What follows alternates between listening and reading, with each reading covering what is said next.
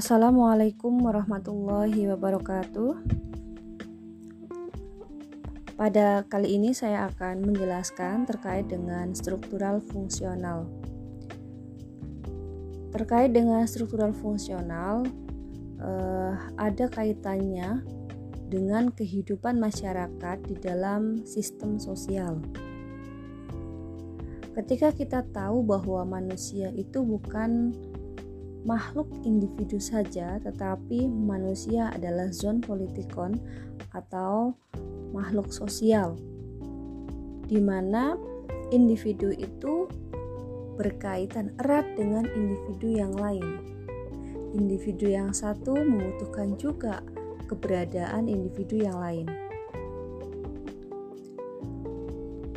Di dalam kehidupan masyarakat juga terdapat struktur sosial. Struktur sosial ini ada yang struktur sosial vertikal dan struktur sosial horizontal. Kalau yang vertikal, mungkin ada kelompok miskin dan kaya.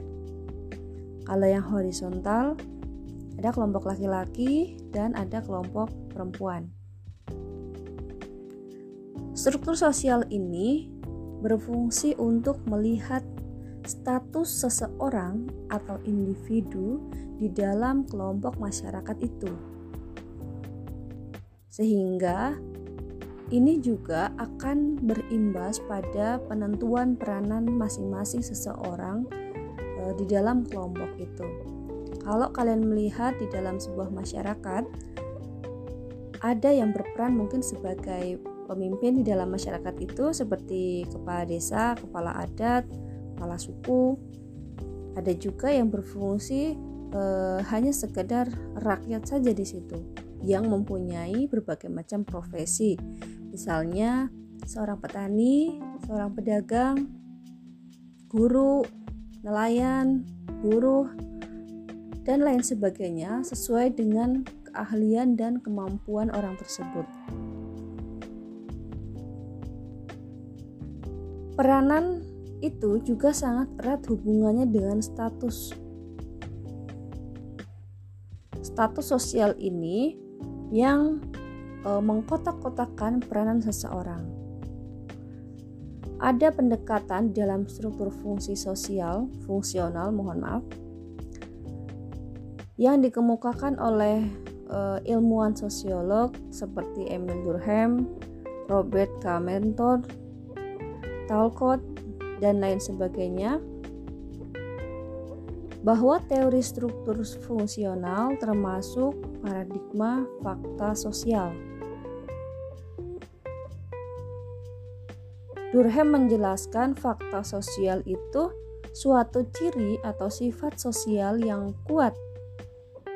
Tidak harus dijelaskan pada level biologi dan psikologi, tapi sebagai sesuatu yang berada secara khusus di dalam diri manusia.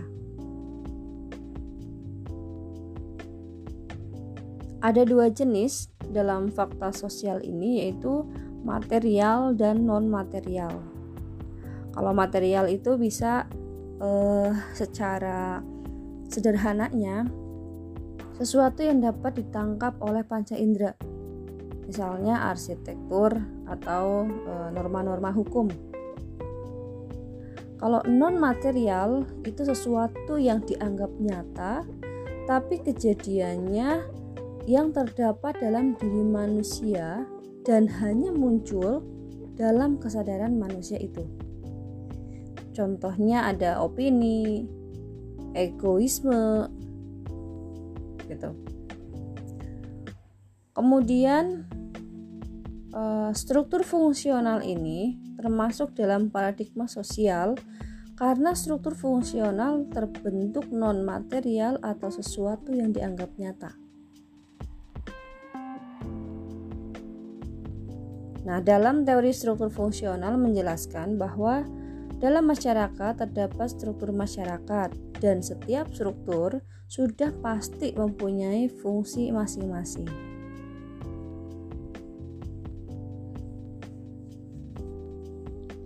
Pendekatan struktural fungsional yang dikemukakan oleh Person dapat dikaji melalui beberapa anggapan. Yang pertama, masyarakat harus dilihat sebagai suatu sistem dari bagian-bagian yang saling berhubungan satu sama lain. Kemudian terjadi hubungan timbal balik, nggak mungkin kan ya dalam masyarakat. Kemudian orang itu hidup masing-masing, nggak ada e, komunikasi, nggak ada hubungan timbal balik apa-apa, sehingga sistem itu tidak terbentuk itu tidak mungkin karena e, kalau kita melihat sederhana saja dalam sebuah keluarga, itu pun selalu terjadi hubungan timbal balik yang saling membutuhkan. Apalagi dalam konteks yang lebih luas, yaitu di dalam sebuah masyarakat.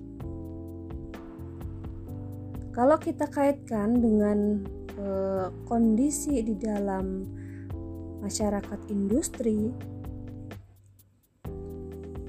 peran orang itu masing-masing ya. Ada yang jadi direktur ada yang jadi manajer ada yang jadi pekerja uh, mungkin di bagian mesin misalnya ya.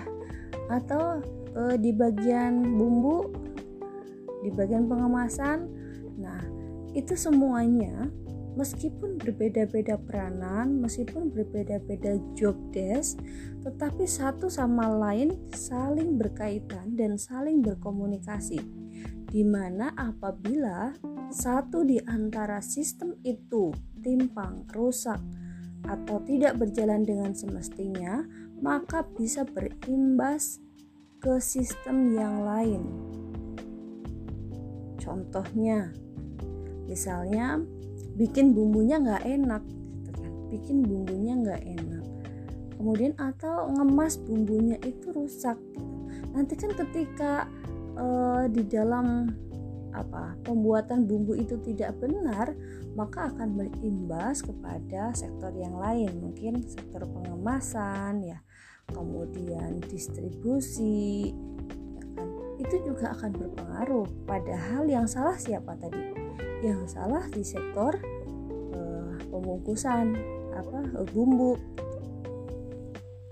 ini gambaran bahwa antara satu peranan individu di dalam sebuah industri itu berkaitan erat dengan peranan orang lain e, di dalam industri itu. Karena apa? Karena ini membentuk sebuah sistem. Contoh lagi, apabila seorang direktur ya gagal untuk menjalin kerjasama misalnya dengan uh, perusahaan lain sehingga uh, perusahaannya pilot kemudian bangkrut itu akan berimbas ke banyak orang yang ada di dalam industri itu dalam perusahaan itu.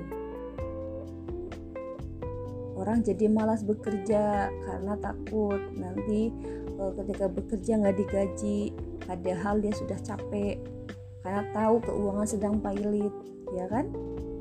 Kemudian e, bisa juga sampai mereka di PHK karena ada pengurangan tenaga kerja e, keuangannya sedang tidak baik. Nah ini adalah kegagalan dari direktur yang mungkin tadi tidak bisa e, mencari investor kemudian berdampak juga kepada e, kehidupan dari individu yang lain yang menempati industri itu atau perusahaan itu.